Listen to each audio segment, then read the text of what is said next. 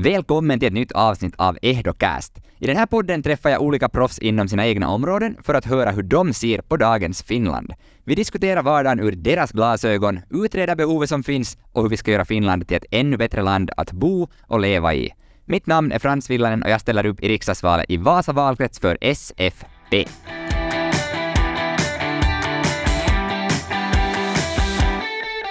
Idag gästas jag inte bara av en, utan två högskolestuderande från Vasas studieliv. Då dagens gäster inte arbetar eller studerar kan de mellan varven ses runt om i vimlet, den ena med gul halare och den andra med lila. Välkomna hit Lukas Lundström från Novia och Maja Lundin från Åbo Akademi. Tack. Tack. Roligt att ha er här. Vi börjar med dig Maja, öppna upp lite för dem som lyssnar. Vad är det som du studerar och varför har du landat in på just den banan? Mm, eh, jag studerar till klasslärare på tredje året.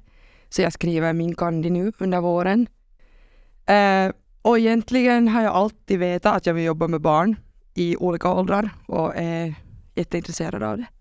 Så då landade jag bara på klasslärare. Du är inte en produkt av en lärarfamilj där mamma och pappa var lärare, Nej, därför har du hamnat in. Okej, okay, men det är skönt att höra. Jag är ju själv en produkt av det. Så det där. Precis. Hur är det med dig då Lukas? Berätta, vad studerar du och varför studerar du just det? Jag studerar andra året till eh, byggnadsingenjör här i Vasa Novia.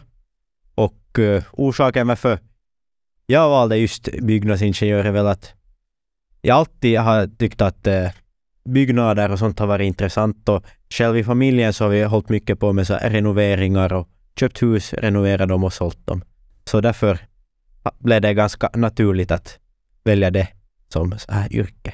Du hade med andra ord halva utbildningen i bakfickan när du började studera den?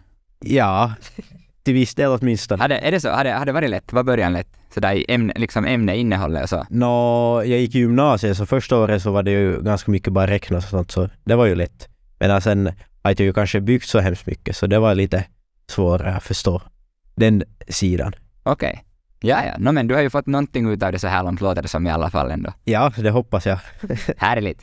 Som sagt, vi har en klasslärare och en byggnadsingenjör med oss i studion här idag. Och uh, det intressanta med er är att ni är ju båda, jag tänkte säga produkter, men det är fel. Uh, ni är båda produkter av coronan på sätt eller annat. Kanske framförallt du Maja, du började mm. då, du sa tredje året. Yes. Så du har börjat mitt i distansen. Kyllä. Berätta lite, hur var början? Hur, all... uh, ja, det var ganska hemskt faktiskt. att komma upp till Vasa från Ekenäs bort från mycket tryggheter och att inte kunna alls vara i skolan, inte lära känna nya människor. Eh, att bara liksom sitta hemma vid köksbordet och studera.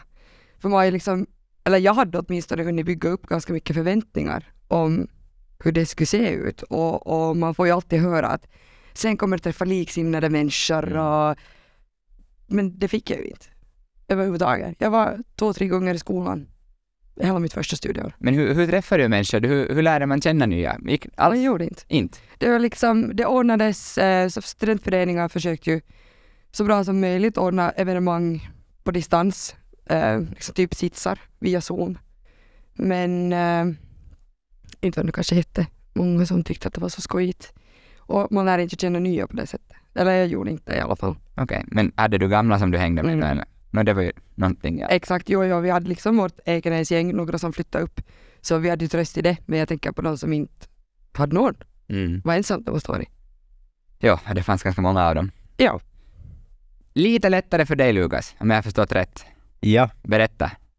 Nå, i Novia så blev vi som första år studerande prioriterade, så vi fick precis vara hela tiden i skolan. Att det var en, enbart en månad ungefär som jag hade distansstudier. Där var det januari, februari någon gång där 2022.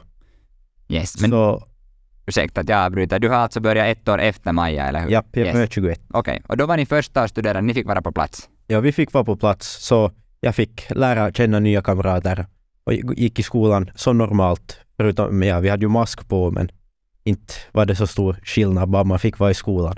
Jag tror att masken är ganska marginell när det kommer till ja. slutändan. Maja, Maja skulle nog gärna ha börjat hur många masker som helst under första halvåret.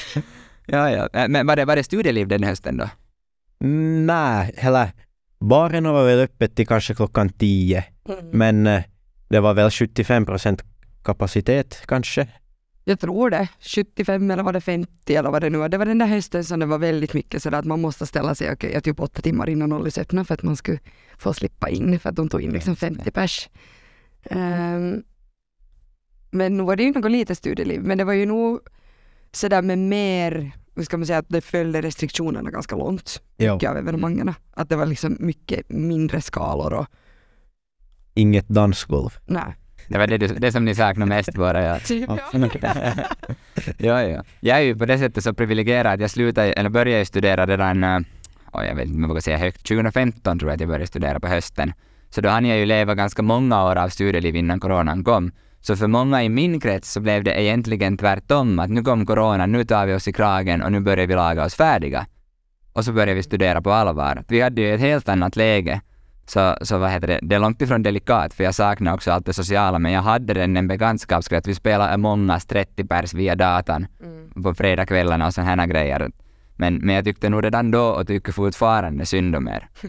Men har ni tagit igen det då? Vi börjar med dig Maja. Har du hunnit ta igen det du har missat? Det kan man lugnt säga. Jag har nog eh, faktiskt försökt allt vad jag har kunnat att ta igen det förra hösten och förra våren och nu när den här hösten eh, som har varit så har jag nog sprungit på så mycket evenemang och varit så übersocial jag bara har kunnat. Till saken hör alltså för er som lyssnar att Maja var lite sen för hon kom springande hit också från ett evenemang som hon har varit på här innan. Så det där. Ja. Hur är det med dig då Lukas? Har du hunnit börja ta igen? Ja, nu har jag väl tagit igen en, en del, men det har ju också varit lite problematiskt att få tag på de här biljetterna till sitserna. Så, så på det sättet har inte man varit kanske på allt som man ville fara, men på de som man har fått biljett så har man nog varit på. Och ja, just så här specialevenemang så har jag nog försökt vara på så mycket som jag bara hinner. Det låter bra. Du har ännu tid att ta, eller ni har båda tid egentligen att ta igen. Om man är som jag så har ni hur många år som helst kvar innan, Oh, ja. innan ni är färdiga. Uh, Maja, du var lite inne på det här redan tidigare. Du pratade om, om mående och, och att börja corona då mitt i när alla var, vad heter det, alla var bara hemma i sitt eget och inte kunde lära känna nya och sånt här. Och det här är ju någonting som egentligen har varit på tapeten i flera år, fortfarande högaktuellt med studerandes mående, så det skulle helt enkelt vara oansvarigt av oss att inte ta upp det i den här podden när vi sitter tre stycken studerande och pratar. Men jag ställer en lite mer så här allmän fråga till att börja med så här med er, att hur skulle ni säga, vi börjar egentligen, vi kan börja med dig Lukas, att studerandes mående och så här, att syn, syns den på något sätt i din vardag? Hur skulle du se på saken?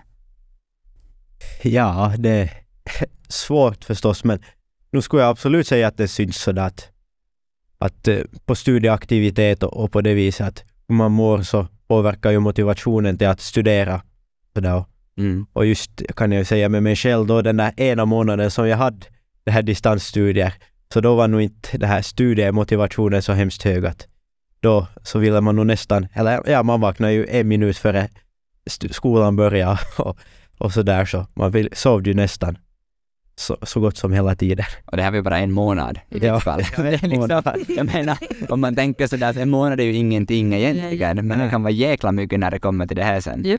Ja. Ja. Vad skulle du säga Maja, vad, hur upplever du det? Jag skulle nog absolut säga att jag märker av det. Eh, studerandes välmående. Liksom med, jag tycker att det är så mycket studerande som är så stressade. Mm. Och, och jag tror att många upplever eh, att man måste vara så jäkla duktig hela tiden. Visst. Och att det är sånt press och man ska hinna vara duktig i skolan och så ska man vara social och så ska man, helst ska man liksom hinna springa på mycket studieevenemang också. Så måste man jobba för att ha råd att gå på studieevenemang men sen ska man ta hand om sig själv, man ska träna, man ska få vardagen att gå runt, man ska hinna vila. Det är liksom det jag tycker att med, med det märker man att, att eh, så många har sånt minutschema och just att ha så höga krav på sig själv att allt ska vara så bra.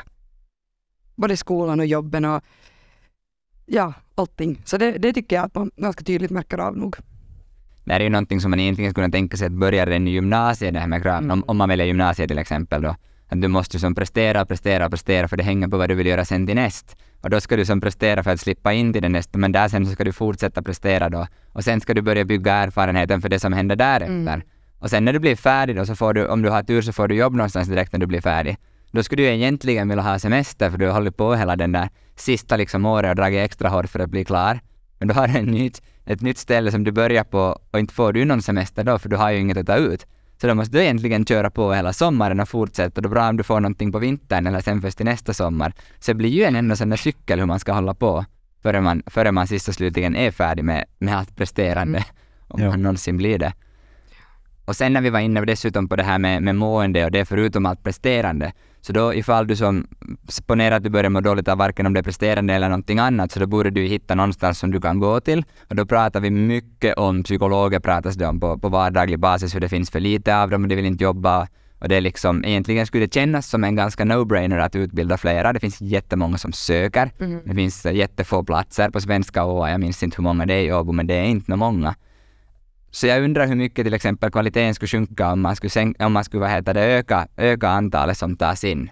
Om vi går tillbaka till saken, så man skulle tycka att det borde kännas som att varför utbildar vi inte bara flera? Mm.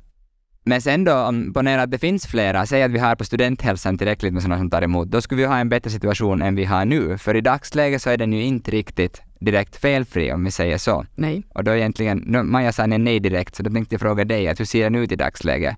Alltså, jag tänker bara de här otroligt långa köerna till exempel. eh, om man vill slippa att prata med någon. Eh, just vi ser att man mår dåligt på grund av skolan, stressen, pressen, eh, ens personliga liv, you name it. Så det är liksom de här köerna för att då slippa till en psykolog eller liksom psykiater eller vad, vad man nu sen behöver är jätte, jätte, jättelånga. Och jag tror att eftersom att, och det här är nu bara vad jag tror, att eftersom att köerna är så långa så blir liksom tröskeln högre att sen vet ni höra av sig och söka hjälp för att man då blir sådär att "Nå, men jag slipper om några månader att tala om det här, att kanske inte jag ens funderar på det då, tänker jag. Ofta behöver man kanske den ganska i stunden den där Ja. hjälpen egentligen, ja. Men äh, det här var ju bara nu mående. Sen har vi ju student, studenthälsans tjänster överlag sådär annars också. Mm. Vi betalar ju, varje, varje höst och varje vinter betalar vi studerande en avgift där, Mm. som är obligatorisk som vi inte kommer ifrån. Sen funkar det inte riktigt som det ska. Det funkar när jag började. Det funkar 2015, de där första åren. Då fick du liksom, du fick bra tid, du fick fara in och allting fungerade och sådär. Sen så skedde det en förnyelse som för övrigt var jättebra, för den innebar att du också Lukas fick eh, börja använda studenthälsan. För förut fick ju bara universiteterna. Det Ja. funkar inte, om du gick i yrkeshögskola fick du inte använda. Mhm. Det är ju helt idiotiskt. No. Det är inte frågan om heller. Problemet kom sen när man tog och breddade den, men man gav inte tillräckligt med resurser till. Och då blev det värre och värre. Hur har ni, använder ni deras tjänster? Jag har själv aldrig använt någon av deras tjänster. Att jag brukar nästan, eller jag diskuterar med, med mamma och sen så hastigt så har jag tid till någon privatläkare för att det ska gå snabbt. så, så jag har den turen. Var får man köpa sådana mammor? Eh, jag har, tror jag en gång eller två, varit via studenthälsan. Uh, sen har jag ringt och pratat med dem många gånger. Mm. När det är något jag har funsat på liksom sådär att hur ska man göra det här eller hur ska man göra det här? Jag tänker nu med preventivmedel till exempel, hur man går tillväga med det. Um, De får man ju gratis i välfärdssammanhang. det? Ja? Eh, så på det sättet, men jag har liksom, jag har nog vänner som jag vet att har använt det mer än mig. Eh, just med läkarbesök eller tandläkarbesök eller you name it. Och hej bra. Bra om du använt. Jag har också Ja. varit till tandläkaren där en gång. Det tog ett halvår att få tid, men när jag fick Ja. den, Det då satt jag där. Då gjorde vi allt möjligt vad vi bara kunde göra. Uh, Lukas, hur känns det att betala för någonting du kanske inte använder? Nå, det är ju, någon använder det ju åtminstone så det är lite sådär som, vad heter det, inte kanske välgörenhet är fel ord men någon använder ju åtminstone så att det gör ju gott fast inte jag själv kanske använder det. Mm. Ganska bra svar. Det är lite det som jag tänker också, att den är nog viktig att den finns där och sen hur dumt det än låter, men ju färre som använder det, desto snabbare får tid, de som faktiskt använder det. Nåja, vidare från studenthälsan. Vi ska prata lite pengar, Mm. ekonomi. Mhm. Jag är så duktig med mina pengar. Ja, så. Okej, men, men berätta. Du får ju du får studiestöd och du får bostadsbidrag som studerande. Mm. Det är de pengarna som du så att säga får. Mm. Resten måste du jobba för eller lyfta som lån. Mm. Du är så duktig med pengar. Hur gör du? Eh, jag jobbar. Du jobbar. Eh, jag skulle inte få min vardag och min ekonomi att gå runt om jag inte skulle jobba. Jag tycker att det är helt orimligt att... Eller, jag förstår inte ens hur folk kan få det att gå runt med bara de stöden som finns att få. Eh, så jag jobbar som servitör och som lärare. Okej, då du hinner med både två jobben och att eh, studera. No, no, det beror lite på. Eh, Någonting får bli lite. Vi går inte på. Nej, men någonting Ja. kanske blir lite på efterchecken. Men, mm. Hur är det med dig Lukas? Hur får du vardagen att gå runt? Nå, jag jobbar inte, men eh, jag lyfter nog det här lånet och så brukar jag göra så att de pengarna jag tjänar under sommaren så de sparar jag, medan sen så använder jag lånet istället. Så att eh, på det sättet gör jag och då tycker jag nog att ekonomin går riktigt bra runt att inte behöver jag snåla någonstans direkt och jag kan göra så som jag, eller det jag själv vill göra nästan. Det där är ju egentligen de två möjligheterna som finns idag. Att antingen jobbar du eller så lyfter du lån. För att inte på 550 euro ungefär var den ligger nu så in, inte gör du ju mycket på den. Framförallt inte efter hyran. Nej. Efter hyran sen när den har farit. Och sen på tal om hyran så har vi ju ännu en grej som gäller bostadsbidraget som är cirka, vad är det, 320 ungefär plus minus. Det tror jag det. Jo, Ja. 330. Så mycket. Nej men vad heter det, bostadsbidraget, så det förnyades ju också för ett antal år sedan. Nu minns jag inte om det var 2017, 18 när det ska vara någon gång. Uh, vilket för studerande, för oss så innebar det att istället för att bara få det under de nio månader vi studerar så fick vi det också under sommaren. Och det är ju bra. Mm. Det är ju en jättebra grej. Medan sen igen då, om du bodde tillsammans med någon som till exempel jobbar, så då påverkar det dig tvärtom. Då får du antingen ingenting eller så får du mycket mindre. Även om du själv är, säg att ni är ett par på, ena är, ja, ni är 22 båda två. Ena börjar jobba efter yrkesskolan direkt och han är jobb, eller hon är jobb. Och, och vad heter det, den andra sen så den studerar istället. Och inte har man ju på det sättet gemensam ekonomi. Det är inte som att ni i regel har två barn, hund och en Volvo någonstans som, som ni liksom snurrar på med, utan båda ska få det att gå runt själv. Mm. Och det var ju åt skogen. Men äh, vi ska inte gå in på era, era vad heter det, privatliv om ni är upptagna eller singlar nu, men så där mera i vardagen så syns det, är det här någonting som man diskuterar om?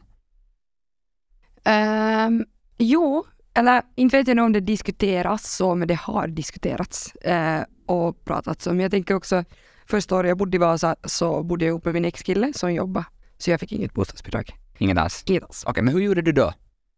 Hur, hur gör man då? Var det liksom, var det så nu att han, han betalar för allting för dig? Nej. Nej. Nej. I wish. Ja, exakt. Nej, men alltså jag, jag jobbar ju. Ja. Börjar jobba. Um, sparar pengar. Liksom från...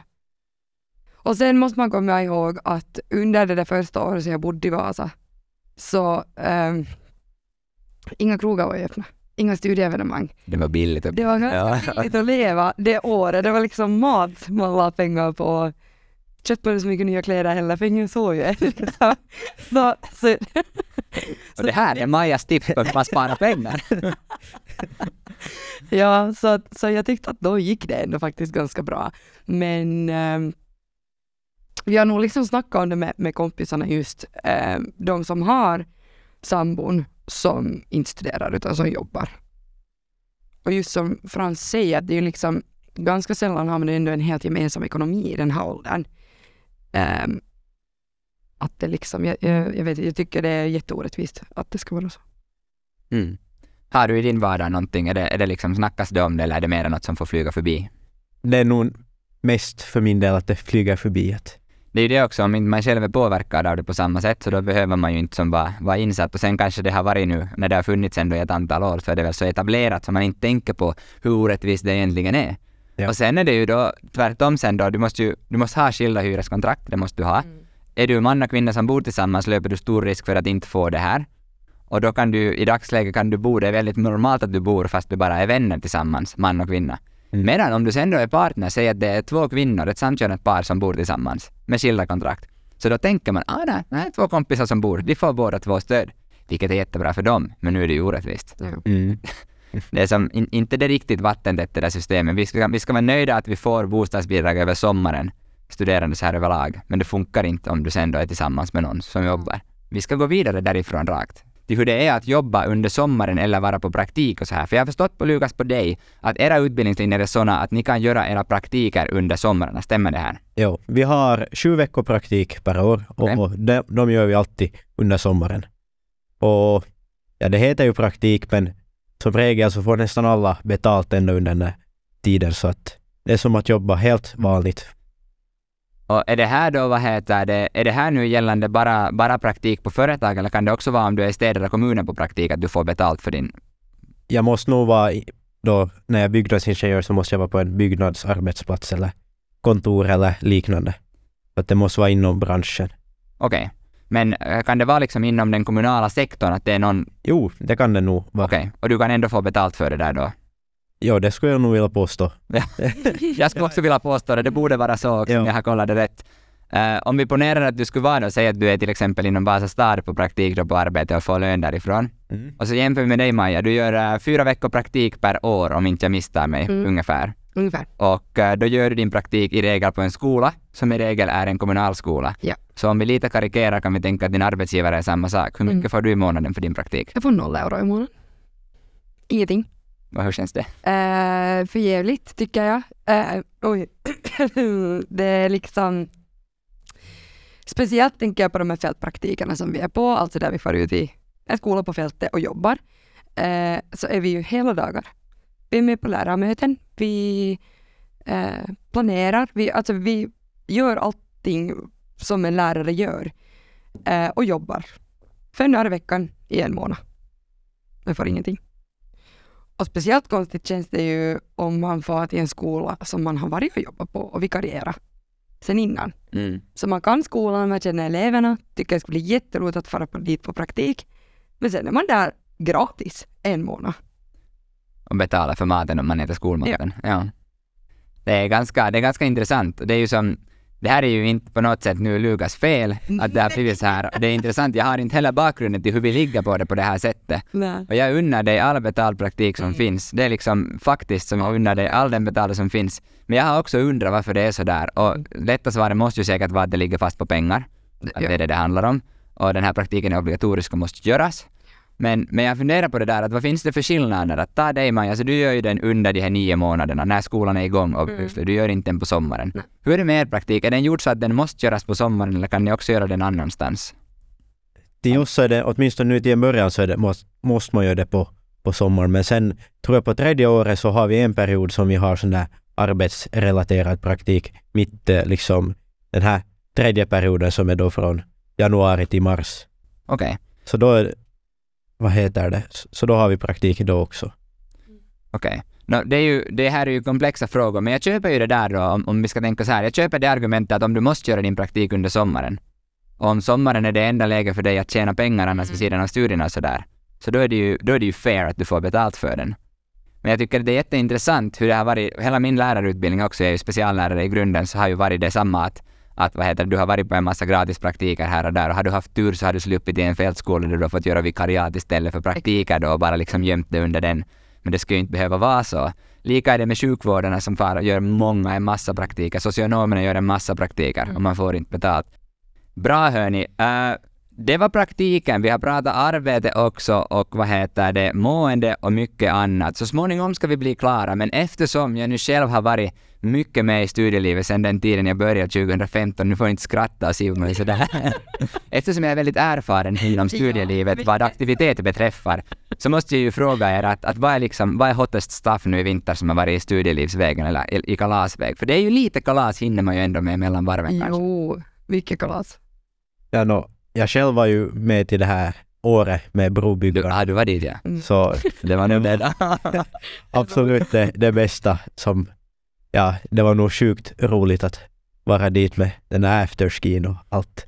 Allt vad det ha- handlar om så. Vi ska inte gå in på allt juicy gossip som ni har haft där. Det, det låter som att det har varit som, som förut, som före pandemin. Helt Ja. rätt. Vad du gör? Jag var inte i år faktiskt. Eh, men jag tänker snart kommer ju Pampas nationaldag. Pampas är ju jättebra att du nämnde. Där har ni nu egentligen alla studerande, alla föreningar framför allt, en jätteviktig roll att se till att studerande förhandsröstar. Mm. För vad heter det, Pampas nationaldag är ju 31 i 30. Yep. Första i fjärde är det sillis, lördagen. Andra i fjärde är det valdag. Och då är det ju, då är det ju den där lite gre- lilla grejen att uh, andra i fjärde på valdagen så måste du rösta där du är skriven på rätt röstningsställe. Mm. Medan förhandsröstningen, då får du rösta var som helst i valkretsen. Precis. Så det betyder att du borde egentligen fara helgen före Pampas och förhandsrösta Mhm. för att fixa bort det. För om du till exempel är skriven i Jeppis eller någonstans annanstans i Vasa valkrets Österbotten då, så då måste du fara dit och rösta. Ja. Och inte fara nu dagen efter Sillis upp Nej. i Jeppis för att rösta. Det gör man ju Nej, knappast. man gör nog inte. Så det får ni ta med er, att det ska ni hälsa, hälsa era polare att se till sen. Vem de röstar Jo. på är deras ensak, men att, att de röstar i alla Ja, fall. Så det är viktigt. Jättebra. Eh, vi ska avsluta med en sista så här grej. Ponera att det går skitbra. Det går riktigt bra i valet och, och jag blir invald och jag får börja resa till Helsingfors på kontinuerlig basis. Vad ska jag ta med mig för hälsning till Helsingfors? Vi tar en per man. Lukas, du får börja. Ja, det är svår fråga skulle jag vilja påstå. Och jag vet inte riktigt vad jag ska svara. Men absolut tycker jag det här med när vi diskuterar pengar så att det ska alltid vara lönsamt att jobba. Att det tycker jag är viktigt. Helt rätt. Enkelt att hålla med. Maja. Ehm, jag skulle säga att du ska ta med dig till Helsingfors att jobba för alla studerande, som du redan gör. Eh, vi behöver... Smörare. Nej. vi behöver någon som uh, för vår talan eh, och som, som funderar på oss också och vår hälsa och vårt välmående. Det lovar jag göra. Härligt. Ni har lyssnat på Eurocast, en podd av riksdagskandidat Frans Villanen. Idag hade jag med mig studerandena Maja Lundin och Lukas Lundström. Tusen tack för er tid. Tusen tack! Tack, tack.